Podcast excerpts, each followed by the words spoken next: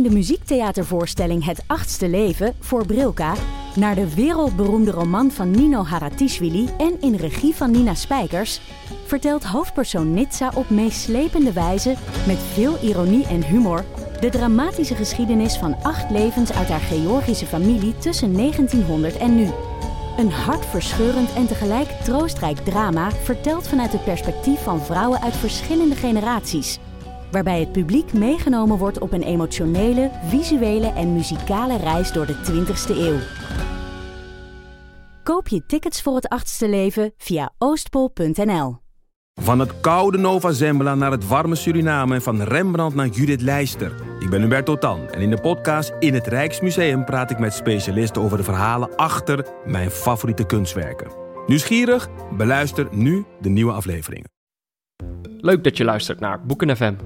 Hou jij ook zo van gemak? Abonneer je dan op deze podcast, dan hoef je nooit meer een aflevering te missen. hey, en als je dan toch bezig bent, laat dan ook een recensie en een genereuze hoeveelheid sterren achter in je podcast-app. Dan kunnen andere luisteraars ons makkelijker vinden in hun podcast-apps. En het geeft ons natuurlijk een goed gevoel van binnen. De leukste recensie wordt voorgelezen door Joost de Vries. Heb je een vraag of ben je onredelijk boos op ons? Stuur dan een mailtje naar boekenfm.dasmag.nl Ja, maar de ene McEwen is niet de andere, hè? Ik bedoel, je kan Cecil Beach gaan lezen en dan lig je meteen in een coma op je strandmaat. Oké, oké. Welkom bij Boeken FM, de podcast van Das Mag en de Groene Amsterdammer over boeken en de inhoud ervan. Vandaag hebben we het over Club Mars van de Amerikaanse schrijver Rachel Kushner. Het verhaal gaat over de 26-jarige Romy Hall, die in een vrouwengevangenis zit met twee keer levenslang plus zes jaar. Dat klinkt als een uitzichtloze situatie, maar als nieuws van buiten de gevangenis binnen Seibel besluit ze in actie te komen. Bovendien waait het, waaiert het verhaal uit en wordt het niet alleen een verhaal, eh, het wordt niet alleen het verhaal van Romy verteld, maar ook van andere mensen binnen en buiten de cel. Ik praat er vandaag over met redacteur van de Groene Amsterdammer Joost de Vries Hey Peter. en eh, literair columnist van NRC Ellen Dekwiets. Hey Peter. Hallo. Ehm, nou, het is, er is alweer een maand voorbij. Hoe gaat, Ja. het, hoe gaat het met jullie? Ja, ik ga wel lekker. Ik ben veel aan het reizen. Ik ga een docu maken met de VPRO over Zo. poëzie. Dus eh, ja, ik ben lekker bezig. En jij Joost, wat ga jij doen? Nou, ik zit nu in zo'n bottleneck van deadlines op weg naar de zomer, waarin nu alles voor jullie nog even af moet. En dan ga ik deze zomer, denk ik voor het eerst in jaren, langer dan een week op vakantie. Zo. Wat, wat erop neerkomt dat ik nu eigenlijk de hele dag zit na te denken over welke boeken ik allemaal niet kan Hmm. lezen. En? Heb je al wat? Het, het gevaar is dat je dan denkt, ik heb zoveel tijd, nu kan ik eindelijk aan al die hele dikke boeken toekomen waar ik anders nooit aan toekom. Dus ik heb de Toverberg al liggen en zo. En Oh ja. De, de- en dan uiteindelijk, wat, het gevaar is dan dat je alleen die leest? Of dat je dan... Ja, of het gevaar is meestal dat je gewoon veel te veel meeneemt. Sowieso. Wat, ga je, waar- wa- wa- wat, wat is je verwachting van deze vakantie dan? Is, is het een strandvakantie? Dat je gewoon lekker in je zwembroekje... weet je wel, bakstenen van boeken kan verstouwen? Of wat ga je doen? Ehm, ik ga gewoon heel bourgeois in een fijn huisje met een zwembad in Frankrijk. eh bourgeois zitten wezen en een beetje eten en wijn drinken. En, dus, dus, En lezen. en de biografie van Charles de Gaulle lezen. En, en de Toverberg. Goed en, ehm, wat heb ik nog meer? Ik heb ook, nou goed, daar ga ik mee bezig. En misschien wel nog iets van Rachel Kushner. Oh. Dus Of je- is dat, is dat een te soepel bruggetje? Nee, nee, nee. Dat is, dat is een eh, prima bruggetje. Wat daar. ga jij doen, Peter, op vakantie? Ja, ik heb, ik heb dus nog niet echt een... eh, een, een- ik, ik zit nu in zo'n zomer die Joost waarschijnlijk jaren heeft gehad. Dat je niet langer dan, eh, dan, dan een week gaat. Dat heb ik nu. Oké. Eh, maar ja, ik, ik, ik heb genoeg te doen. Dus dan is het alsnog wel leuk. Maar ga je wel weg dus? Ja, ja, ja, ik ga nog naar Berlijn. Daar gaat een vriendin van mijn vriendin trouwen. Eh, en ja, ik, eh, ik eh, moet mee. Maar ja, daar zeg ik natuurlijk ook geen nee tegen. Nee. Ehm, en eh, ja, ik ga nog even mee op eh, het zomerkamp van Ik Dat ga ook mee met zo'n Hey. Dat Ik niet, dan ben Oh. ik weg. Wat? Ja, ja, ja, nee, het stomme is, ik dacht dat het zomerkamp altijd in de eerste week van augustus was. Dus ik had mijn reis al geboekt, maar ik zit dan in New York. Oh, Dus ik ben er voor het eerst sinds Jij de bent, oprichting eh, niet bij. je bent aan het jetset eh van hot naar her ga jij. Argentinië? Nou ja, Jet, ja, dat is, dat is, ja, ja, ja, ik ga wel naar her en ik moet nog naar China en Zuid-Afrika dit jaar. Ja, vijf continenten in één jaar. Oké. Leuk. En daarna heel jaar thuis blijven, lekker Nou. naar de camping in Steenwijk. Joost en ik gaan met elkaar pingpongen op het zomerkamp Ja, van Dat Goed Mag. zo. Ja. Eh, ja, laten we het over Rachel Kushner hebben. Eh, ik, ja, ik, ik vond het een leuk boek om te lezen. Dat wil ik meteen al. Ah, je begint ook echt wel weer met dat mes op tafel. Ja, gewoon, ja, hè? ik dacht eh, Dan hebben we meteen discussie, weet je wel. Toen ik erin begon te lezen, Peter, Mhm. had ik de eerste twintig pagina's toch een lichte ergernis. Want ik dacht, oh god, hier is weer zo'n gevangenisroman met gekokketeer... hoe erg het gevangeniswezen wel niet is, hoezeer iedereen lijdt. Maar gaandeweg kwam ik er toch in. Ehm, wat ik heel fijn vond aan dit, aan dit werk is dat het grappig is. Het is ehm, af en toe verrassend en het is bovendien meer nog dan een soort, ja, jeremiade van hoe erg het is om in een gevangenis te zitten. Ook een soort bewening van de Amerikaanse samenleving. En die extra laag maakt het voor mij meer dan de moeite waard. Wat vind jij, Joost? Ehm, kan je iets meer vertellen over die bewening van die Amerikaanse samenleving? Keer op keer komen in de roman stukken naar voren waaruit blijkt dat het Amerikaanse rechtssysteem, dat weten wij natuurlijk allemaal bij als slimme Nederlands, maar eh, zo, zo doorzeefd is als een tafel vol termieten.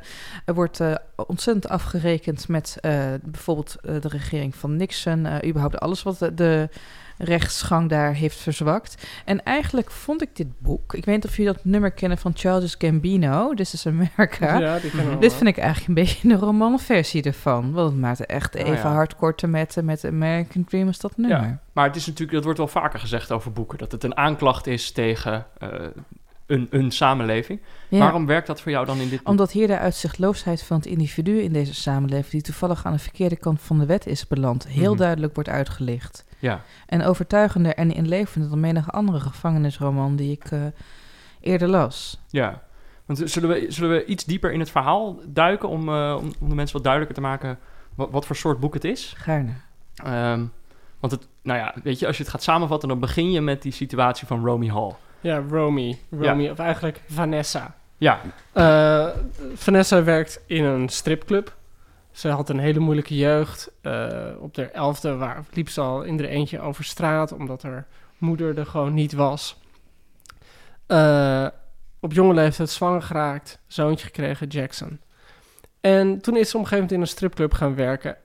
De, de Mars Room uit de Mhm. titel, of Club Mars in het Ja. Nederlands. En ze beschrijft dat ze eigenlijk wil werken omdat ze daar niets hoeft. Ze hoeft niet aardig te doen, ze hoeft niet te glimlachen. Eh, alle mannen die binnenkomen kan ze gewoon als sukkels behandelen, want ja, dat zijn ze er ook. Ze noemt ze op een zeker moment zelfs wandelende portemonnees. Ja, wandelende portemonnees, perfect. En, en dus ehm, eigenlijk is het iemand, als je haar over haar leven hoort vertellen, is het alsof alles haar zomaar is overkomen. Alsof ze zelf, ja, niet echt een soort van vat, ooit echt vat heeft gekregen op de belangrijke beslissingen in haar leven. En daarom zit ze denk ik ook in de gevangenis. Het, het, het- nou dat- ja, het is misschien ook dat op zo'n leeftijd de, de echt belangrijke beslissingen misschien nog wel moeten komen. En, eh, en zij zit dan al in de gevangenis als Ja, maar in, in dit geval gaat het nu ook al over, over waarom ze in de gevangenis zit. Ik bedoel, Ja. dat, dat duurt heel lang voordat het in het boek duidelijk wordt waarom ze daar nou precies zit. Maar het Mhm. wordt al wel duidelijk dat in die stripclub waar ze werkte er een Vietnam-veteraan was, Koert, die eigenlijk een soort van obsessie met haar ontwikkelde. eh, die ze, Kurt Kennedy, mind Kurt you. Kennedy, ja, goede naam. Ja, Eh, die geprobeerd heeft, eh, nou, die, die een obsessie ontwikkelde, die haar ging stalken, waarvoor zij gevlucht is, eh, toch door hem gevonden is. En toen is er een misdaad gepleegd, waardoor zij nu in de gevangenis zit. Ja, Nou goed, het, met een het- enorme straf. met, een, met twee keer levenslang, plus, zes jaar. En die zes jaar, die soort van to add insult to injury. Die zes jaar, omdat ze het- misdrijf heeft geplaatst waar haar zoon bij was. Ja. En ze pleegde die misdrijf natuurlijk om haar zoon te beschermen. Maar het feit dat ze het deed waar die zoon bij was, wordt dan zien als een, eh, een, een extra eh, overtreding. Ja. Waar ze ook nog eens eh, zes jaar voor gehad heeft. Ja. En het boek begint dan met dat, eh, dat zij in de bus zit waarmee ze naar de gevangenis gebracht wordt. Maar dan krijg je gelijk al, er zitten meer mensen in die bus. Er zitten nog meer vrouwen die ook naar die vrouwengevangenis gebracht worden. En dan krijg je eigenlijk gelijk al de vorm van dit boek mee dat er dus meerdere verhalen tegelijkertijd verteld worden. Dus dat, het gaat niet alleen over die Romy, wel het meeste.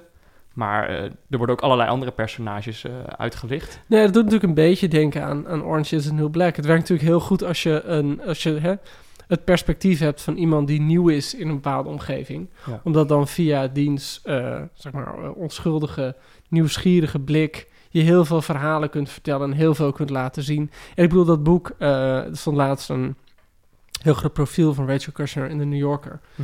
Waarin ook precies werd verteld over hoeveel onderzoek ze naar gevangenissen heeft gedaan. Ze met een aantal uh, gedetineerden bevriend geraakt. En uh, ik bedoel, ze beschrijft ook heel nauwgezet, heb je het idee.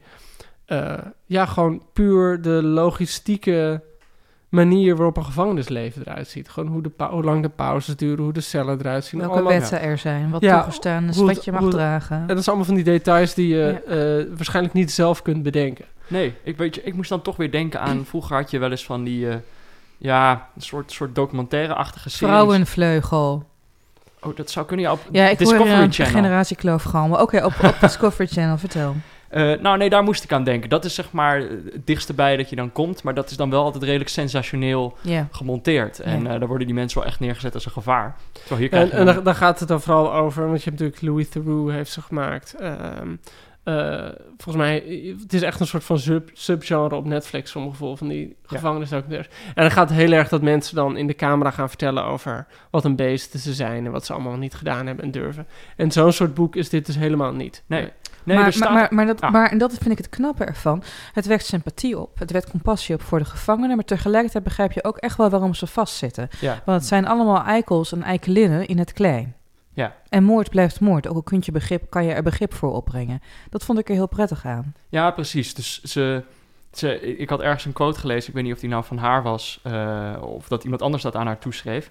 Maar het, ge het geval dat je dus uh, met personages meekijkt in plaats van naar ze kijkt. En dat vond ik wel een mooi onderscheid. Ik had daar eerder niet zo over nagedacht, maar toen ik dat las, dacht ik, ja, dit is precies wat dit boek wel goed vat.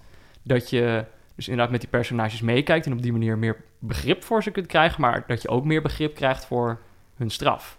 Ja, ja. En tegelijkertijd meer onbegrip voor een samenleving die dit soort mensen eigenlijk, nee, ik wil niet zeggen creëert, al stuurt het boek daar wel heel erg op aan. Ergens uh, valt hier te lezen dat je eigenlijk geen keuze hebt als lid van een bepaalde sociale klasse. Ja, wordt ook letterlijk gezegd. Ja, vroeg of laat beland je er wel. En dat zet je dan toch extra aan het denken. En die uitzichtloosheid maakt in wezen een ontzettend tragisch boek. Ja. Ja. Ik kan me een Nederlandse documentaire herinneren. Nou kan ik de titel niet meer bedenken. Dat is een beetje slecht punt. Dus maar, dan kan je hem niet herinneren. waarin een, een jongen zei, een, uit zo'n heel slecht milieu... waarin iedereen in de gevangenis zat. En hij beschreef eigenlijk een soort milieu waarin je toch niks kon. En hij zei van ja, dan maakt het ook niet echt uit of je nou in de gevangenis bent of niet. Ja. Je kunt toch geen kant op. En dat is denk ik wat Rachel Kushner in heel veel van die verhalen van die andere gevangenen uh, laat zien, is, of laat zien, uh, uh, illustreert.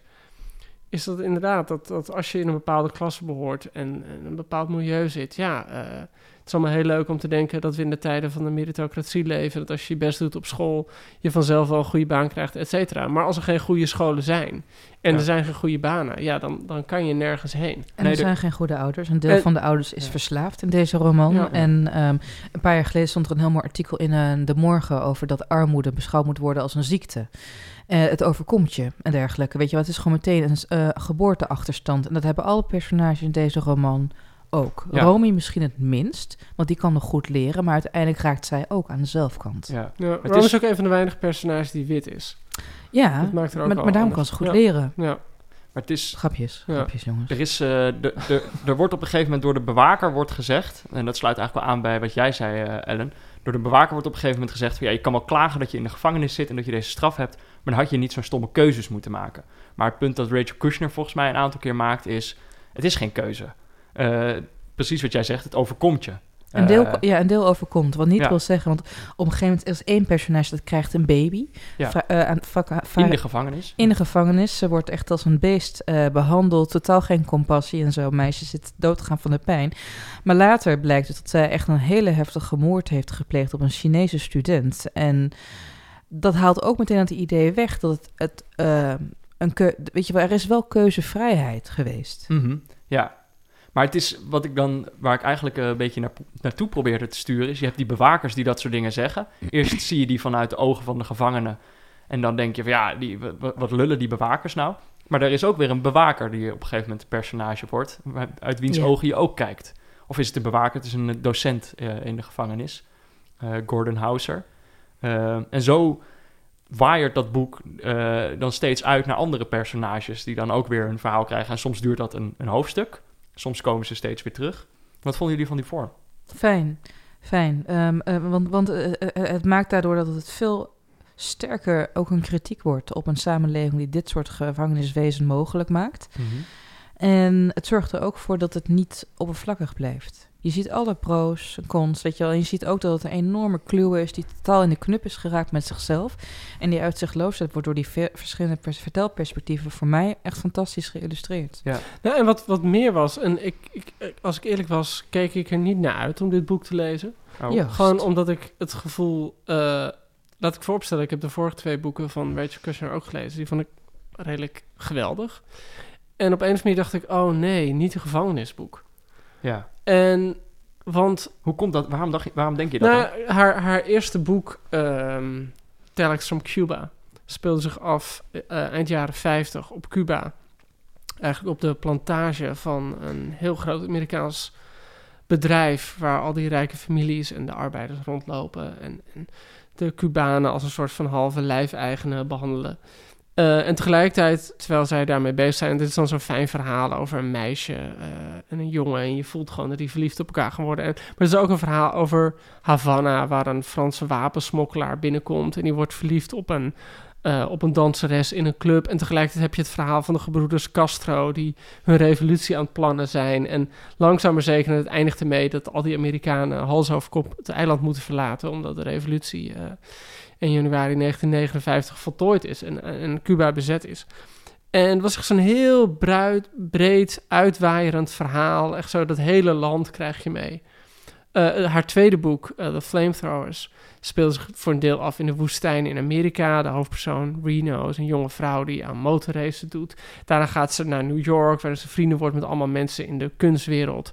En daarna vertrekt ze naar Italië, komt ze eerst bij een soort van aristocratische familie terecht. En daarna eh, raakt ze zeg maar in de band van de Rode Brigades. Tegelijkertijd heeft ze, wordt er ook nog de geschiedenis van een, een motorrijbedrijf helemaal verteld. Dus het zijn hele breed uitwaaierende, epische vertellingen bijna. En toen dacht ik, shit, nu komen we met Club Mars. En weg zijn die grote uitwaaierende dingen. Ja. En weg is zeg maar die hele wereld waarover wordt gereisd. En opeens zit je alleen in die cel. Zit je vast? En daarom wilde ik, dat, ik maak nu een veel, veel te lang bruggetje, maar dat vond ik dus heel fijn aan hoe het verteld is. Want het is niet alleen dat je die verschillende perspectieven steeds krijgt. Soms duurt een, een hoofdstuk een bladzijde, soms is een hoofdstukje ook maar één alinea. Ja. Dus je hebt heel veel breuken erin. Het is niet zo dat je echt zo samen zit in de cel met het personage. Ehm, wat, wat weer een hele andere ervaring, andere leeservaring eh, op, kan, op kan leveren. Maar op die manier, dus, dus in hoeverre ik er tegen op, opkeek, dat ik dacht van, oh god, nou zit je opgesloten met het personage. Ja. Dat, dat is niet zo. De, de stijl en de, de manier van vertellen heeft dat heel erg opengebruiken. En op een bepaalde manier, want het is best wel een sombere roman, maakt het het ook wel speels hoe ze dat gedaan heeft. Ja. ja, ik had denk ik toen ik halverwege het boek was, wat je zegt, het is best wel somber. Daar had ik een beetje eh, het gevoel van, oh jee. Eh, dat ik aan het lezen was en dat ik dacht, ah, ik, ik weet niet of ik wel eh, eh, 360 bladzijden lang somber wil Ja. blijven. Maar eigenlijk gaandeweg eh, eh, maakt die somberheid, en Ellen zei dat aan het begin eigenlijk al, ook al een beetje, van de, de, in het begin is het schrijnend en dan denk je, oh jee, dit, dit blijft de hele tijd zo. Maar dat maakt dan echt wel plaats voor ook eh, heel humoristische passages en gewoon opeens andere personages. En dan ben je opeens weer verrast en zit je te lezen van wie, wie heb ik nu weer voor me. Ja, en ook de, morele ambiguïteit van die personage. Want op een gegeven moment, hij kwam al even te sprake, heb je de gevangenisleraar Gordon Hauser, die vol goede moed zijn leerlingen literatuur wil bijbrengen, maar het gos is niet eens geletterd. Ja. En op een gegeven moment beschrijft hij dat hij een beetje à la Walden zelf in de bush bush gaat leven. Hij wil echt een natuurmens, de authentieke ervaring. Eh, het water is daar overal vergiftigd door uranium, weet je wel. Dus hij heeft al wat minder geweldige ervaring. En dan bleef hij hele lawaaierige buren. En dan Ja. zegt hij op een gegeven moment, zal ik gewoon citeren, zodat Ja, ja. want het heet ook wel een vrolijk boek hoor. Dan gaat hij op een gegeven moment, wil, wordt hij gek van de motoren van die, van die buren. Wel riskant om zo dicht bij huis een misdrijf te willen plegen. Hij speelt met de gedachte om zijn kopje kleiner te maken. Maar het leek me dat als ik die lui niet te grazen nam, de woede letterlijk mijn dood zou worden. Dus sloop ik er op een avond in de herfst heen, hoewel ze gewoon thuis waren, en stal hun kettingzaag, begroef hen in het moeras. Een paar weken later heb ik toch de deur van hun huis opengehakt en de boel er vrij grondig kort en klein geslagen. en hier heb je dus iemand die iedereen wil van overtuigen dat je via letteren een beter mens kan worden. Maar Ja. één, een, een groepje rumoerige buren en bam, daar gaat al je morele waarde. Ja. En dat vind ik zulke fijne afwisseling aan die boek. Want ik dacht ook bij mezelf, oh nee, dit ga ik echt, weet je wel. Ik dacht, ik dacht even dat het een soort Charles Dickens roman, weet je wel, van de zelfkant zou worden. Maar dan zonder Artful Dodger. En dit viel reuze mee. Ja. Oh, Hey. Een rubriekje. We hebben, we hebben als het goed is weer luisteraarsvragen gekregen. En deze keer hoef ik ze niet voor te lezen, deze keer zijn ze weer ingesproken. Ga, ga ik voor het gemak even vanuit. Eh, laten we maar gewoon gaan luisteren. Ha Peter, Ellen en Joost. Ik ga op vakantie en ik wil dan een boek lezen. In het Nederlands. Een easy read met veel spanning en dat toch nog literair is. Welk boek moet ik dan kiezen? Groetjes, René. Zo, nou Joost. Een easy read. Een easy read. Eh, Onderhuids van Michel Faber. Oké, waarom? Het is, het is ook verfilmd Under the Skin met Scarlett Johansson. Het boek- Oh. het- De film lijkt totaal niet op het boek. Het gaat over een, ehm, een, lift, eh, een vrouw in Schotland Ja. die eh weet je, langs eenzame wegen rijdt en mannelijke lifters oppikt. En die Ja. vrouw ziet er super vrouwelijk uit. En die mannen, die, je krijgt een beetje hun gedachte, maar die willen die vrouw keihard verkrachten Ja. de hele tijd. Maar dan blijkt op een gegeven moment al binnen tien pagina's dat zij eigenlijk een alien is die voor een intergalactische hamburgerketen werkt en daarvoor menselijke mannen gijzelt. Die film is fantastisch, fantastisch. boek. Ja, maar het boek, oh, oh, oh, het Oh, boek dat- is nog leuk. zoveel leuker. Vind ik een leuke tip. Ja. Ja. Ehm, ik zat te denken als het in het Nederlands moet zijn. ehm, kijk, wil je echt een spannend boek waarmee je ook gewoon literair kunt aanzetten, dan kun je altijd wel een van de boeken van Ian McEwan erbij pakken. Eh, dat zijn altijd boeken met een plot. Er is altijd iets dat er moet gebeuren. Er is, er is niet zelden is er een moord. Ja, maar Eh, de ene McEwan is niet de andere, hè? Ik bedoel, je kan Cecil Beach gaan lezen en dan lig je meteen in een coma op je strandmaat. Oké, oké. Dan in dat geval ge- zal ik mijn, mijn favoriete Ian McEwan zeggen. Eh, dat is namelijk twee eh, zwarte honden. Hm. Black Dogs in het Engels en de zwarte honden in het Nederlands. En dat gaat over een echtpaar dat op een huwelijksreis kort na de oorlog eh, door Frankrijk loopt en door twee zwarte honden wordt aangevallen. En het magische van dat boek is, en ik, ik heb het dus ook op mijn stapeltje, het is niet zo dik, maar ik neem het zeker weer mee dit jaar. Eh, want het wordt hoog tijd dat ik het weer eens lees. Je krijgt eerst het verhaal verteld, eh, het wordt door de schoonzoon verteld. Eh, eerst door, vertelt de, de vader het aan de schoonzoon. En die vertelt dan eigenlijk over hoe, het, hoe die ervaring zijn leven heeft gevormd. Vervolgens wordt het door de moeder verteld aan de schoonzoon en hoe het haar leven heeft gevormd. Dus eigenlijk heb je het verhaal al drie keer, ook in de inleiding, al drie keer gehoord. En dan eindigt McEwan ermee dat hij zelf het verhaal vertelt. En het is dan Mm. alsnog doodeng. Je weet precies wat er gaat gebeuren. Het is doodeng. Oh, wauw. Dus Eh, dus- vormelijk ook wel interessant. ja, heel, heel interessant. Ja, dus zwarte honden. eh, maar ik bedoel, ik kan je nog honderd boeken eh, voor je bedenken. Ja, ja ik zat... ehm, eh, ik, ik moest eigenlijk... Bij mij schoot meteen de pelikaan te binnen. Maar die is eigenlijk dan Mm. niet per se heel spannend. Het is maar niet heel zo spannend, nee. maar het, het, het- je krijgt wel zin om door te lezen de hele tijd. Dus Ja. dat is misschien een andere vorm van spanning. Ja, en anders, kijk, als je een beetje van fantasy houdt... Ik weet niet of je moeder dit zou aanraden... maar The Winter King van Bernard Cornwell, als ik me niet vergis... dat is een soort Arthur-hervertelling... maar dan een soort op een beestachtige manier. Een echt kuttige jaren in Engeland. en eh, dat is tegelijkertijd spannend. Je denkt de hele tijd van, oh my god, ga niet dood. En tegelijkertijd ontzettend mooi verteld. The King bowed his slow, sad mind. Oké. Fantastisch, I love that. Nou, eh, vier tips. Eh, kies er maar eentje uit. En laat weten wat je ervan vond. Hoi Boeken FM. De afgelopen week heb ik veel verontwaardiging gezien over het Boekenweekthema van volgend jaar. De moeder, de vrouw. Oh god. En over dat het geschenk en essay beide door een man geschreven gaan worden. Wat vinden jullie nou eigenlijk van deze kwestie? Groetjes, Bo. Ellen, vind jij er iets van? Nou, wordt meteen naar de vrouwen. Nou ja, weet je, kijk, ehm, de, de, de, timing is gewoon heel pijnlijk geweest van het CPNB en de keuze van deze auteurs. Want enkele weken geleden is er een proefschrift uitgekomen van literatuuronderzoekster Corinna Kolen, waaruit blijkt dat de vrouw nog steeds een achtergestelde positie heeft in het literaire veld vergeleken met de man. Re- recensies zijn altijd ha- harder op vrouwen dan op mannen. Een boek van een vrouw wordt veel minder snel literair genoemd. Het krijgt veel minder aandacht als je kijkt naar de cijfers van de lezeres des vaderlands. Er is gewoon veel meer ruimte voor boeken van mannen dan voor vrouwen eh, in de pers. En dan komt het CPNB, weet je wel, met het thema de moeder, de vrouw. Ehm, en weer de male gaze daarover. Ik denk dat dat het meeste mensen in het verkeerde keelgat is geschoten. Heb jij die petitie getekend die in de krant stond? Sterker nog, ik zat meteen in- op de barricade. Ah, oké. Ja, natuurlijk heb ik die petitie getekend. Want weet je, het, het, het, het, het CPNB bedoelt het echt oprecht goed. Maar dit is gewoon een teken dat ze een enorme blinde vlek hebben. Dat ze niet inzagen hoe ontzettend lomp dit was. Ja. En kijk, weet je, ik heb ook gebeld met CPNB toen ik het hoorde. Want ik denk, ja, ik wil toch wel even weten wat, wat hun beweegredenen zijn. Ja. Want dit is zo ontzettend stupide. En eh, de licht overwerkte woordvoerder die ik aan de lijn kreeg Ja, vervolgens, ja. na een kwartier te hebben gewacht. Die vertelde mij dat bij de Boekenweek en Boekenweekgeschenk en dergelijke altijd als volgt gaat. Ze kiezen eerst de auteur, dan pas het thema en dan pas de essayist. En hij garandeerde mij dat er voor de essayist ook heel veel vrouwen in de running waren. En dat, weet je, Murat Uzik is, is een geschikte essayist, vind ik zelf ook. Want in zijn laatste roman Stilte Vrouw echt de show. Ja. Maar de combinatie van feiten is pijnlijk. En, eh, weet je wel, en het thema de moeder der vrouw, nou, ik juich alles toe wat met poëzie te maken heeft. Helaas had een zwakbegaafde Volkskrant-journalist dat opgevat als niet als een referentie aan het gedicht van Nijhoff, maar gewoon dat de vrouw een moeder moet zijn en dergelijke. Maar ik vind het vooral jammer dat dit een blinde vlek is, maar Ja. positief. Want het Ja. heeft ontzettend veel discussie opgeworpen. Ja, in die ja, oké. ja. Ik was vergeten die, of tenminste, ik kreeg die mail van die petitie en ik was gewoon te laat om te reageren, anders had ik graag mijn naam erbij gezet. Ik ging meteen al scrollen. Eh, ja, Joost de Vries erbij. ik ook. ik ben er ook echt op Joost. aangesproken. Eh, dus ik had hem graag willen ondertekenen. Nee, het is, het is heel sneu, want inderdaad, dat Jan Siebelink het boekweekgeschenk schrijft, prima. En dat moet het is ziek als essayist wordt gevraagd, vind ik ook een goede keuze.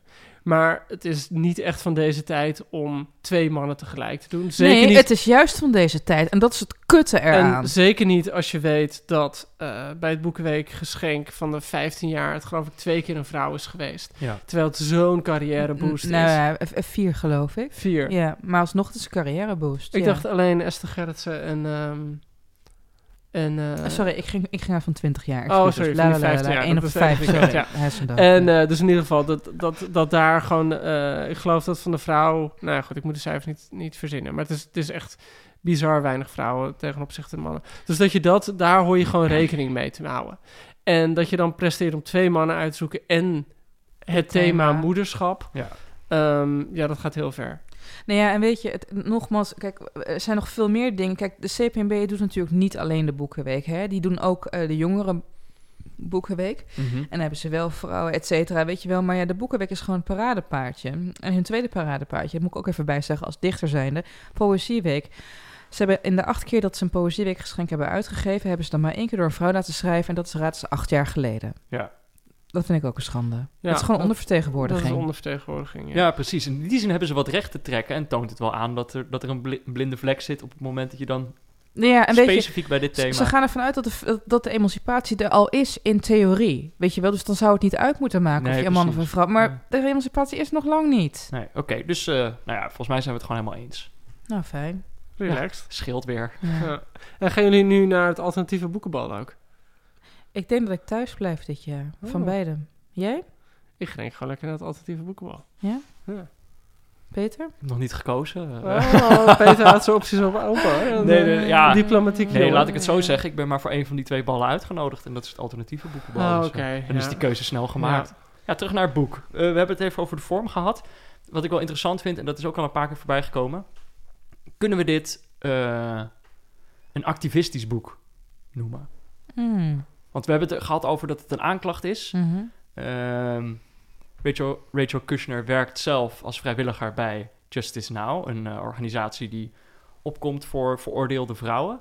Ehm, in die zin ligt dit boek ligt in het verlengde, maar ik ben op zich wel interessant in hoe, hoe jullie, of ik ben wel eh, geïnteresseerd in hoe jullie kijken naar hoe zo'n boek op deze manier ook activistisch kan zijn.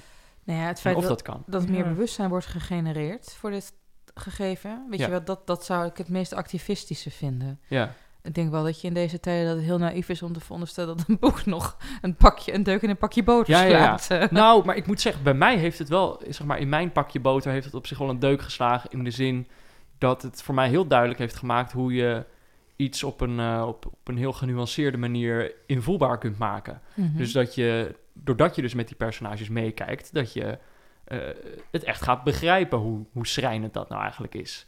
En ik moet eerlijk zeggen, ik had dat niet meteen. Toen ik het boek uit had, had ik dat gevoel nog niet meteen. Dat is echt pas een paar dagen later dat ik erover na ben blijven denken. Heb ik ook gehad. Het is een boek wat ontzettend naschrijnt. Ja, Ik weet nooit zo goed of een boek echt activistisch kan zijn. Ik bedoel, een boek lezen over de, de Soedan is wat anders dan geëngageerd zijn met het Soedan. ja.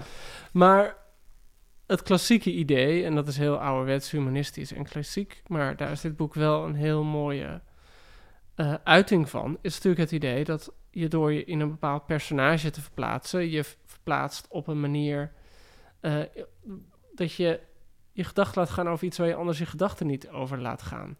Het punt is, in Amerika zitten, wat is het, 2,5 miljoen mensen in de gevangenis. Bijna een, een procent, volgens mij is er geen enkel westerland, westers land dat zoveel, zo'n groot deel van zijn bevolking in de gevangenis heeft gestopt als de VS. Dat zijn mensen die in die cel komen en uit het zicht verdwijnen.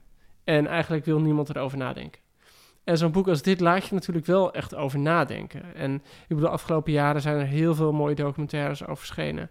Uh, op Netflix staat een documentaire, en ik ben even vergeten of die naar de Oscar heeft gewonnen of niet, van Ava DuVernay, 13th. Dat is een geweldige aanklacht over hoe het gevangenissysteem in Amerika is opgezet zoals het nu is opgezet. Dus met minimumstraffen, maar ook het zeer dat gevangenissen um, ja, eigenlijk een soort van nauwelijks betaald slavenarbeid zijn. Hè? Mensen die in de cel zitten moeten vaak uh, voor een cent uh, per uur of zo, weet ik zoiets.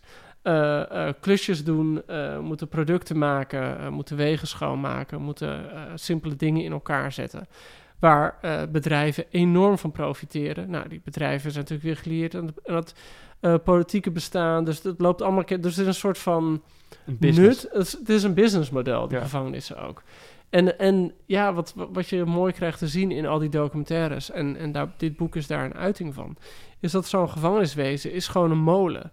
En als je daar eenmaal in komt, dan kan je nog zo slim zijn of zo'n eigenwaarde hebben of weet ik wat. Je wordt gewoon verpulverd. Ja, en het is ook nog eens, uh, want nu hebben we het over puur die gevangenis, maar hoe je daarin terechtkomt, het proces dat deze Romy krijgt, uh, dat, daar word je ook niet heel gelukkig van. Ze krijgt een, uh, een prodeo-advocaat die uh, in slaap valt tijdens. ja, maar het moeilijke is natuurlijk dat dat is, dat is fictie. Ja. En, en ik, ik twijfel niet aan dat als je lang gaat zoeken, dan kan je ook wel echt dit soort dingen doen. Ja. Maar dat is natuurlijk het moeilijke. Kijk, fictie toont niet iets aan. Nee, fictie geeft alleen je die verbeeldingsmogelijkheid. En dan kan Rachel Kushner er eindeloos veel energie in de research hebben gestopt. Um, uiteindelijk heeft ze het verzonnen. Ja. En ja, maar het, is, het heeft wel een band met de werkelijkheid. Dus zij heeft ook talloze vrienden die in de gevangenis zijn beland. En zij heeft in interviews wel gezegd dat een goed deel hierop gestoeld is, op die verhalen van die vrienden. Ja. Weet je wel? Dus misschien is deze ene case niet waar, maar er zullen er genoeg zijn. Nee, maar wat ik probeer te zeggen is... Kijk, hier kun je, niet, hier kun je de staat niet mee beschuldigen. Met nee, dat bedoel ik. Ik bedoel, zo'n een boek is geen bewijsmateriaal op die manier. Maar het is wel een mooie variant van de werkelijkheid. En, op, en, en zo te zien, een behoorlijke uh, waarheidsgetrouwe variant. Ja, oké. Okay. Um, waar dan nog wel, ik merk nu eigenlijk, ik stel die vraag en dan denk ik van ja, oh ja, ik wil het eigenlijk nog misschien wel iets meer over dat verhaal hebben. En over de, de, de, de, de, de inhoud en de vorm. Uh, want nu zitten we alweer te praten over de morele consequenties. Ja, ja. grappig is dat, hè? Ja. ja. En, en uh, dat is, ik bedoel, dat, maar dit dat, boek nodigt daar ook toe uit. Ja, maar dat kenmerkt ook een goed boek. Maar, ja, het is meerlagig. Je blijft erover nadenken. Wat, wat vind jij, en daar ben ik wel benieuwd naar, uh, die Gordon, de, de gevangenisdocent, is de dagboeken van de Unabomber aan het lezen, Ted Kaczynski. En volgens mij krijg je, ik, ik, ik heb de dagboeken van de Unabomber niet zelf in huis, dus ik ga ervan uit dat uh, de teksten die Kushner uitgebreid citeert, um, dat die letterlijk uit die dagboeken komen. Wat, wat vond jij daarvan? Het feit dat, dat, dat ze een personage het laat lezen. Ja, nou, ze laat, maar ze, ze laat een personage niet alleen lezen, ze worden ook heel veel overgenomen. Zo'n lange lap tekst. Ja, ja, ja, ja. ja. Nou ja, uh, uh, zorgwekkend aan de ene kant. Want dit is een personage dat aanvankelijk sympathiseert met de vrouwen die hij onder zijn hoede heeft. Maar als je kijkt naar de, uh, het manifest zelf van de Unabomber, dat is ontzettend misogyn. De vrouw moet gewoon de bek dicht houden en de man moet het gewoon doen. En dat vind ik dan een heel extra eng laagje van deze Gordon. Want in het begin denk je, oh, dat is gewoon een sukkel, weet je wel. Een soort mm -hmm. uh, Shaki uit Vlodder, die de boel een beetje probeert te verbeteren. Maar ja, zo komt hij echt over. Ja, die ook de hele tijd je, uh, wordt, wordt gepiepeld door de vrouwen in de, in exact, de gevangenis. Exact, voor, exact. Voor karretjes wordt gespannen. Maar hierbij wordt hij, wo lijkt hij licht um, gevaarlijk te worden. En kijk, de, uh, um, de Unabomber is voor heel veel mensen een soort held. Weet je wel, de ultieme vrijheidszoeker. Maar hij was ook een seriemoordenaar. Ja, ja. Hij, hij, heeft nu hij heeft twaalf mensen gedood met die pakketten. En het, het hadden er nog veel meer kunnen zijn. En um, zijn, zijn hele manifest, maar het al een tijd geleden heb gelezen, is tegelijkertijd een nogal wat warrige verdediging met behulp van wat natuurfilosofie. Over waarom we allemaal zelfvoorzienend moeten zijn. Ja. En ehm, ja, weet je, ik vond het vooral dat er een enge kant van deze Gordon Houser aan werd eh, geboord door te refereren aan dit manifest. Wat Ja. ik leuker vond, is dat eh, op een gegeven moment ook de hele tijd uh, Thoreau naar Ja. boven komt. Hè? Ja. Walden. En dat is in, in het kader van dit boek Thoreau, transcendentalist, heeft in pff, 1854 Walden uitgebracht. En in tegenstelling tot wat veel mensen denken, gaat het niet alleen over iemand die in zijn eentje in een hutje op de hei gaat zitten en gaat kijken hoe lang hij eenzaam kan zijn. Maar het gaat vooral over hoe je zelfvoorzienend kan zijn met hoe weinig geld. Maar dat is ook de link tussen de Unabomber en Walden. Ik bedoel, het ging heel erg om, om je afkeren van de maatschappij, de commerciële maatschappij en in je eentje het redden. Ja, nou ja, nee, want Thoreau heeft ook echt het sociale eh, nodig en zo. Maar dat je als mens het beste in jezelf na- naar boven kan halen door zelfvoorzienend te zijn en door los te gaan van die wetten. En eh, op een gegeven moment zegt Thoreau, die heeft ook daar een essay over geschreven, de plicht tot burgerlijke ongehoorzaamheid heet dat geloof ik. En dan zegt hij van ja, eh, als je op een gegeven moment je systeem niet meer steunt, dan moet je ook stoppen met betalen van belasting. Dus vind je het gevangeniswezen kut, stop maar. Als genoeg mensen het doen, dan kun je een revolutie ontketenen. En dat vond ik aardig in het kader van deze Gordon, die zich er ook lichtelijk tegen verzet. Ja. Wat ik wel interessant vind, is jij, jij zegt dat eh, die, die, die dagboeken van de Unabomber een beetje een enge kant van die Gordon laten zien. Door die enge kant moet ik dan denken, er is nog een personage dat we meekrijgen. En dat is namelijk de stalker van Oh ja. eh Oh ja. Romy. Die Ja. eigenlijk pas aan het einde van het verhaal eh, een eigen stem krijgt. ja. Tot op dat moment bestaat hij eigenlijk alleen als eh, de stalker in haar hoofd. Dus degene, en dan voel je die angst ook wel een beetje. En dan voel je wel hoe, hoe naar het moet zijn als iemand jou steeds achtervolgt. Maar dan krijg je op, op een gegeven moment zijn blik. Eh, hoe, het, het zijn een paar scènes. Hoe hebben jullie die gelezen?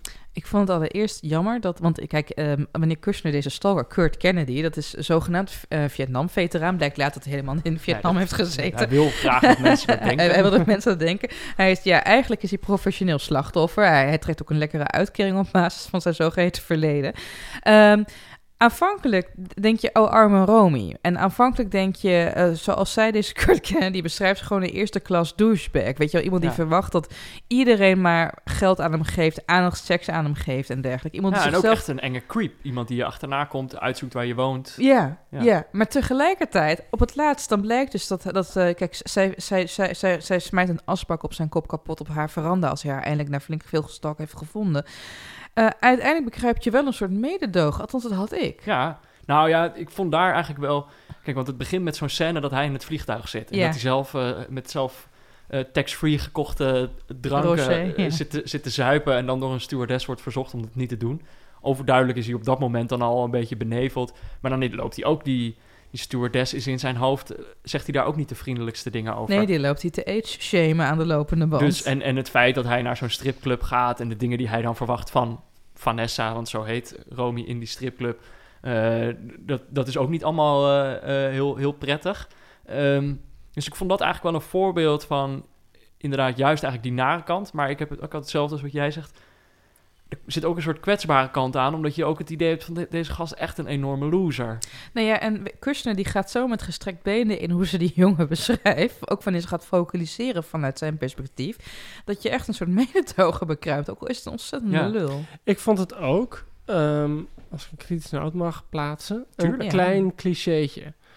En er waren een aantal dingen voordat ik het boek oppakte, wat ik zei, van ik was een beetje huiverig. Ik dacht, A, er gaat vast een ontsnapping in zitten. B, eh, je gaat vast helemaal op het einde als een soort van clue dan te horen krijgen waarom ze er precies, precies zit. Ja. En toen begon ik te lezen, was er nog, een- nog een derde clichétje, namelijk dat het echt zo begint dat zij daar aankomt in een bus. Dus ik vond dat er in die zin een aantal elementen in het boek zaten die je echt, als ik je alleen had verteld, ook ga een boek lezen over een vrouw in de gevangenis. En je had aan mij gevraagd, oké, nou noem drie dingen waarvan je denkt dat gaan gebeuren. Dan had ik die drie dingen genoemd. En die zitten er precies zo op die manier Ja, in. maar het gaat ook om hoe ver open deuren open kunnen in dit geval. Hè? Ik bedoel, het leidt voor, voor mij betreft niet dat ze een aantal gemeenplaatsen uit gevangenisliteratuur gebruikt als structuur. Ja, nou, dat, dat vind ik toch wel. Oké, ga door. Maar, maar dan, ik bedoel, uiteindelijk, eh, ja, Nee, het- kijk, het ik- feit ik- dat je ik- clichés gebruikt is niet fout. Nee, nee, nou ja, kijk, een cliché is een cliché. Ik ben het met Ellen eens hoor. Ik bedoel, het is niet zo dat ze gewoon een deur gewoon een beetje opentrapt. Ze doet het wel, zeg maar, op haar eigen manier. Ja. En eh, het feit dat je dat verhaal, eh, zeg maar, van die Kurt verteld krijgt vanuit zijn perspectief, is echt wel heel iets anders. Ehm, en, en ook hoe, hoe ze dat opschrijft vind ik gewoon heel fascinerend. Ik vond ook heel goed dat ze hem een, een soort van eigen stem geeft. Maar gewoon dat cliché dat je dan uiteindelijk van iedereen, van haar in ieder geval precies zo verteld krijgt. Er wordt heel lang geschermd, wordt het niet verteld. En dan uiteindelijk wordt het heel uitgebreid verteld. Ja, I don't know. Dat, dat vond ik, Ja. dat, dat- die zag je heel erg aankomen. Nou, ik ben, het met je, ik ben het misschien wel met je eens dat dat een cliché is en dat je dat aan ziet komen. Maar dan is er ook altijd nog Misschien- de vraag of het goed gedaan wordt. Ja, nee, en dat, het is wel goed gedaan. Dat moet je nageven. En misschien is het ook wel... Ik, ben, ik heb denk ik 2,5 se- of twee seizoenen gekeken van Orange is the New Black. En dat brak me ook een beetje op. Dat je dan van al die vrouwen precies te zien krijgt... heel lang verspreid door de serie heen... waarom ze in de gevangenis zitten. En op een gegeven moment is dat gewoon zo, wordt het een formule. En ook al zijn al die verhalen individueel heel mooi bedacht... en heel mooi geschreven... alsnog is het zo'n formule waar je tegenaan zit te kijken. Ja. Met- Je bedoelt dat het artificiële er doorheen schemert, waardoor je Dat, dat, suspension of... nou, ja, nou, nou ja, het, art- niet, het, het mooie is van Orange is the New Black, en in dit geval ook wel, dat die verhalen voelen niet artificieel aan. Die voelen heel echt aan, heel geloofwaardig. Maar gewoon het feit dat er zo'n bepaalde vertelstructuur is, waarin je de hele tijd weet, oh, we gaan nu vooruit, en op een gegeven moment maken we een grote stap achteruit. Hmm. En dan gaan we weer vooruit, en dan weer die stap En achteruit. dat stoorde je. En op een gegeven moment stoort me dat dan een beetje. Ik bedoel, het is geen halszaak hoor, maar dat, dat is... eh, als je die structuur zo duidelijk te zien krijgt, is dat, dat vervelend. Nu we het toch over minpunten hebben, was dit, was dit het enige minpunt dat jij kon vinden aan het boek? Of waren er andere dingen die je ook bezwaarden? Nee, nou, ik had hetzelfde als jij. En moet ik eerlijk zeggen, dat had ik eigenlijk ook met de, de- haar vorige roman. Dat je de eerste 40, 50 pagina's er niet zo'n zin in hebt. Ja. En er dan er toch gewoon helemaal in zit opeens. Eh, maar dat is geen minpunt, dat is eigenlijk een speciaal soort kwaliteit. Eh, eh, dus nee, ik, ik, ik was wel gewoon, ik heb het wel echt met veel, met vooral interesse gelezen inderdaad, ja.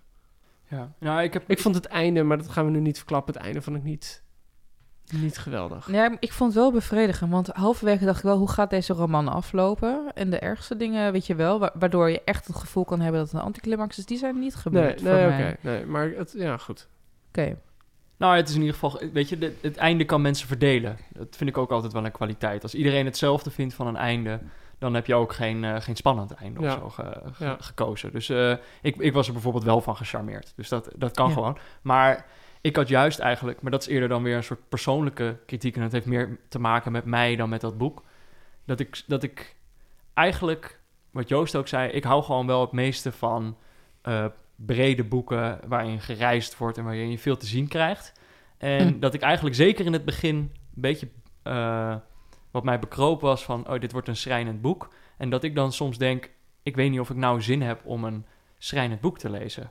Eh, ik, ik dat ik soms eigenlijk dus liever een boek lees waarvan ik niet denk van, oh mijn god, wat is het toch verschrikkelijk. verschrikkelijk maar dat ik liever een, een boek lees waarin ik de, de echt energie van krijg. Doordat je iemands blik meekrijgt. Maar het mooie is dus, op een gegeven moment gebeurt dat wel in dit boek. En Ja. heeft het me toch eh, weten te veroveren. Ik moest denken, ik weet niet of jullie die film Precious hebben gezien met eh Gabori Ja, ja, ja, ja. Nou, als je, als je hoort waar die film over gaat, meisje wordt constant verkracht haar stiefvader, krijgt aids van hem, duizend kinderen. Dan denk je, nou, geen zin in. Maar het, is, het wordt steeds groter feest, die film eigenlijk. En wat dat betreft had ik, die opwaartse lijn zit hier ook in. Ook al loopt het niet gegarandeerd, beste luisteraar, goed af. Maar dus, eh, dat, nou, dus we hebben op zich valt het qua kritiek wel mee. Ja, Ja. ja. Hey. Nog een paar dingen. We kunnen het hebben. We hebben nog niet zo heel veel geciteerd uit het boek. ja. Vind ik ook een beetje lastig, omdat ik heb in ieder geval de Nederlandse vertaling gelezen. Ja, ik, heb, ik, heb een soort van klassieke fout gemaakt dat ik een deel in het Engels heb gelezen en daarna een deel in het Nederlands. Eh, ik heb hier ook niet mijn citaatjes in. Normaal, dit is echt een, een Nou, dan pak ik mijn citaat Maar er jij even hebt Ellen, nou wel wat bij. misschien Oh, leuk voor de weten mensen thuis, dat Ellen echt een boek heeft met, met verschillende kleuren plakkertjes eh, erin. Er moet altijd iemand het, het beste kindje van de klas zijn. En, eh, Oh, shut the fuck up, Joost. shut the fuck up. Dat is omdat ik dikke ADD heb en het gewoon moet structureren... omdat anders helemaal niet meer zie waar het allemaal naartoe gaat. Ja, weet je, ehm, dus de stijl is meer... eh, het is een meervoudige stijl. Dus je hebt verschillende vertelstemmen. We hebben net al een klein stukje voorgelezen... over hoe die Gordon reageert op zijn motorgangburen. Ja. Ehm, de stukken die zijn geschreven vanuit het perspectief van Romy... zijn nou, redelijk eloquent eh, te noemen. En eh, ik, weet je wat, ik zal een paar, eh, ik zal, ik zal, ik zal een paar citaatjes Ja. aanhalen... zodat Ja, je even kan proeven hoe het is. Bijvoorbeeld, Romy over haar medegedetineerde. De jongen die bij de Aryan Brotherhood ging, dat is dus een soort nazi-nazi, ging, had een zwarte vriendin en gemengde kinderen. De dingen liggen soms ingewikkelder dan sommigen erkennen. Mensen zijn dommer en minder duivels dan sommigen erkennen. De Noorse zat al zo lang vast dat ze niet wist dat dat scheldwoord al lang uit was, nooit meer werd gebruikt en dat maakte wel onverwacht verdrietig voor haar. Die dubbelheid zit er heel fijn in. Ja. En tegelijkertijd is het deels een ready-made, want het zijn hele hoofdstukken die gewoon bestaan uit wat je wel niet mag dragen of eten in een gevangenis. Mhm. En eh, op een gegeven moment, dat vond ik een heel grappig stuk, beschrijven ze wat ze allemaal maken. Want ja, zoals jullie net al zeiden, het is gewoon dwangarbeid. Aan de muur boven ons in de werkplaats hingen brochures met foto's van de meubelstukken die door de trotse gevangenen van de afdeling houtbewerking van Stanville Prison waren gemaakt. Dit maakten we. Rechterstoelen, jurytribunes, rechtszaalhekjes, getuigenbanken, lessenaars, rechtershamers, lambrisering voor rechtersvertrekken, houten rechtbankooien voor verdachten in hechtenis, houten lijsten voor de staatszegel dat in de rechtersvertrekken hangt en rechterstoelen die vervolgens naar bekleding gingen de werkplaats naast het onze. Vind ik fantastisch ironisch. Ja, er zit wel zo'n fijne ironie in. Ook. En, en soms ook wel verrassend grappige one-liners. Ik, ik heb er hier nog eentje gevonden. Aan het begin van het boek zegt ze. Jackson, dus haar zoontje. Jackson is bij mijn moeder. Dat is het enige in mijn leven waarmee ik gezegend ben. Dat hij haar heeft. Ook al ben ik zelf niet zo dol op haar. Niet dat ze een psychopathische grootmoeder is die op een brankje zit te breien. Ze is een Norse, kettingrokende Duitse vrouw die zich in haar leven vooral bezighoudt met trouwen, scheiden en hertrouwen. Ja. Wat grappig is van Rachel Kushner, ik heb haar eh, toen ze met haar vorige boek, ehm The Flamethrowers in Nederland was, moest ik haar interviewen bij het John Adams Instituut. Het boek vond ik heel tof, heel strak geschreven, heel soort van kille vertelstem vond ik. En toen las ze het voor. En toen had ze echt een soort van stemmetje en een soort van zo'n Stem, Zo- stem bedoel je? Kan je het nadoen? Nee, nee, maar gewoon opeens had ze een soort van ironische manier van voorlezen. Oh, ja. Waardoor Oh, iedereen jammer. heel erg om het boek moest lachen. Ja. En dat is dan heel grappig, dat, dat soms puur doordat je het iemand hoort zeggen, de, de betekenis van de lijkt te veranderen. Vond ik wel heel opmerkelijk. Ze had een beetje zo'n, opeens had ze zo'n, zo'n Midwestern twang. Mm. Weet je wel, zo, Ja, ik, had, zo lekker kauwen op de woorden. En eh, zoals Amerikanen dat goed kunnen. ik had nog een stukje, dat was, eh, dat zit ook, nou niet echt aan het begin, maar dat is, dan beschrijft ze op een gegeven moment dat ze net in de gevangenis terecht is gekomen. Dan gaat het eigenlijk meteen al mis. En dan zegt ze ook, dat was mijn eerste dag in de gevangenis en nu al had ik het verpest voor de commissie die mijn verzoek om vervroegde invrijheidstelling zou behandelen over 37 37 jaar. jaar. Dus dan is meteen die hele situatie neergezet. Maar je voelt daar ook wel, zeg maar, iemand die zelf ziet hoe schrijnend dat is. Of zo. Ja, Ja. shit, ik zit hier zo lang en ik heb het nu al verknald. Eh, dat vond ik wel mooi gedaan. Eh, Ja, en, en ik vind haar opmerkings, eh opmerkingsgaaf vind ik ook heel leuk. Dat zegt ze bijvoorbeeld, het, het gras was mohair zacht. Vind ik gewoon mooi geformuleerd. Of Doc is een verzorgde man. Hij ziet er eerder uit als een tandarts dan als een agent. Maar sowieso, dus heel veel aandacht voor, voor detail. Dat vond ik wel echt knap. Dat je, in het begin moest ik er echt aan wennen. Dat ik dacht van, is dit allemaal van belang? Maar het is helemaal niet altijd per se van belang voor waar het verhaal heen gaat. Maar het is wel voor, van belang om een beetje zo'n personage beter te leren kennen. Ja, en het, het, maakt, het, het biedt structuur. Letterlijk structuur. Het maakt het fysiek. Het maakt het tastbaar. Ja, ik was daar wel van gecharmeerd. Eh, nou, dan zijn we er denk ik doorheen. Of willen jullie echt nog één dingetje kwijt? Ehm, Hup Engeland. Hup, Engeland. Eh, wat we nog moeten doen is eh, natuurlijk nog een... we kunnen, nog, kunnen we het er heel even over hebben of we het aan onze moeder zouden aanraden? En dan onze vader, hè? je bedoelt aan moeder de vrouw. Aan... ha! Joost! Ja, wat u niet Wat ziet, beste leuke. luisteraars, dat Joost nu helemaal stuk gaat op zichzelf. Ja. Die moet aan het zuurstof nou. Ja. Zouden wij het aan onze ouders aanbevelen? Laten we er dat van maken. Ik zou het aan beide ouders aanbevelen. Het is spannend, het is grappig. En kijk, mijn vader, zoals ik al duizend keer eerder in deze uitzending heb gezegd, is daar het fan van Dostoevsky. En er zit genoeg Dostoevsky-referenties in om die man helemaal verzadigd achter te Ik laten. stel voor dat we een keer jouw vader, dat we dan met de leesclub gewoon misdaad en straf doen. En met jouw vader erbij. Zou dat niet Oh, heerlijk zijn? Ja, dat zou heel, Dat zou heel leuk zijn. Heel Zullen we leuk dat doen? Ja. Wie schrijft het op? En Ja, schrijft het meteen op. Moeten wij wel snel zijn. Maar mijn vader heeft een aneurysma, dus die kan elk moment dood neervallen. Oké, nou, nou, is eh, fine, maakt het spannend. Meneer Dekwiets, als u luistert, Ja, pap. fijne zomer. ja. Begin Eh, meteen aan ik, het boek. ik, ik zou dit boek wel aan mijn moeder geven. Ja, ik denk dat ze dit... eh, ik denk dat, dat... Mijn moeder is gewoon zo'n... Gewoon iemand die wel maatschappelijk geëngageerd is. Die zich zeker graag in vrouwen verplaatst. Ehm, en dit, dit boek gaat over alle soorten vrouwen die je kunt bedenken. In alle soorten toestanden. Ehm, nee, ik, ik, ik zou het aanbevelen. Oké. Ik, eh, ik ook. Aan mijn, moed- mijn moeder heeft een onderscheid tussen... eh, ze heeft boeken voor op haar nachtkastje... en boeken die ze overdag leest. Die staan eigenlijk op de salontafel. En dan op haar nachtkastje, dat zijn eigenlijk vooral luchtige boeken... omdat ze anders te veel gaat piekeren. En dan kan ze niet slapen. Oh, Oké, En eh, dus ik zou zeggen, leg hem daar maar niet neer. nee. Dus het is echt een boek voor overdag, zou ik voor mijn moeder. En je vader, de wetenschapper? Ik denk dat het deze, ja, het onderscheid dat ik altijd al moet maken, en dat klinkt dan heel lullig, maar ik denk dat dit iets te dik is volgens mij. ja, dat is zo lullig. Ik, hij, zo simpel is hij niet hoor, maar hij, hij eh, gaat wel. En ik denk ook, wat ik eerder noemde, hij houdt ook, denk ik, meer van boeken waar, waar, waar de, de breedte in zit en waarin veel gereisd wordt. En eh, dat zit hier denk ik toch, toch te weinig in. Eh, qua, qua vorm reist het wel, maar verder niet veel. Ja. Oké, blurb en cijfer. Ik had dus als blurb niet voor het nachtkastje. Eh, en ik geef het een 8. Oké, oké, oké. Ik was blur vrouwen komen niet meer van Venus. En ik geef het een 8,5. Ik zou zeggen, met eh Rachel Kushner zou ik best een tijdje opgesloten willen zitten. sorry, sorry, sorry, sorry, sorry, sorry. Wie schrijft jouw tekst? Is dat Gerard Joling? Wat is dit nou? sorry, sorry, sorry. Hij let ik helemaal rood aan, beste luisteraar. Nee, ik zou, eh, ik geef het ook wel een 8. Ja, ik moet eerlijk zeggen, haar vorige twee boeken vond ik eigenlijk toffer. Het is altijd een beetje een zure opmerking. Eh, maar alsnog heb ik wel echt heel veel bewondering voor hoe je zo'n boek op zo'n manier schrijft. Nou, ik vind het leuk dat ik nog meer van Rachel Kushner kan lezen. Moet je doen. Ja, oké. Dan was dat Boeken FM, de podcast over boeken van Das Mag en de Groene Amsterdammer. Heb je vragen of opmerkingen? Stuur die dan naar boekenfm.dasmag.nl of laat een recensie achter in je podcast-app. Dankjewel Joost. Dankjewel, Peter. Dankjewel Ellen. Dankjewel, Peter. En dan gaan we volgende maand eh, weer een boek doen. We weten nog niet welke. Nou ja, misdaad en straf. Hè? Mijn vader Oh ja. is fucking sterfelijk momenteel. Oké, eh, we gaan het hier nog even over hebben. Het lijkt me leuk. Oké, doei. Nog even over die grootse en epische muziektheatervoorstelling. Het achtste leven voor Brilka is een marathonvoorstelling van 5 uur. Koop je tickets voor deze bijzondere theateravond via oostpol.nl.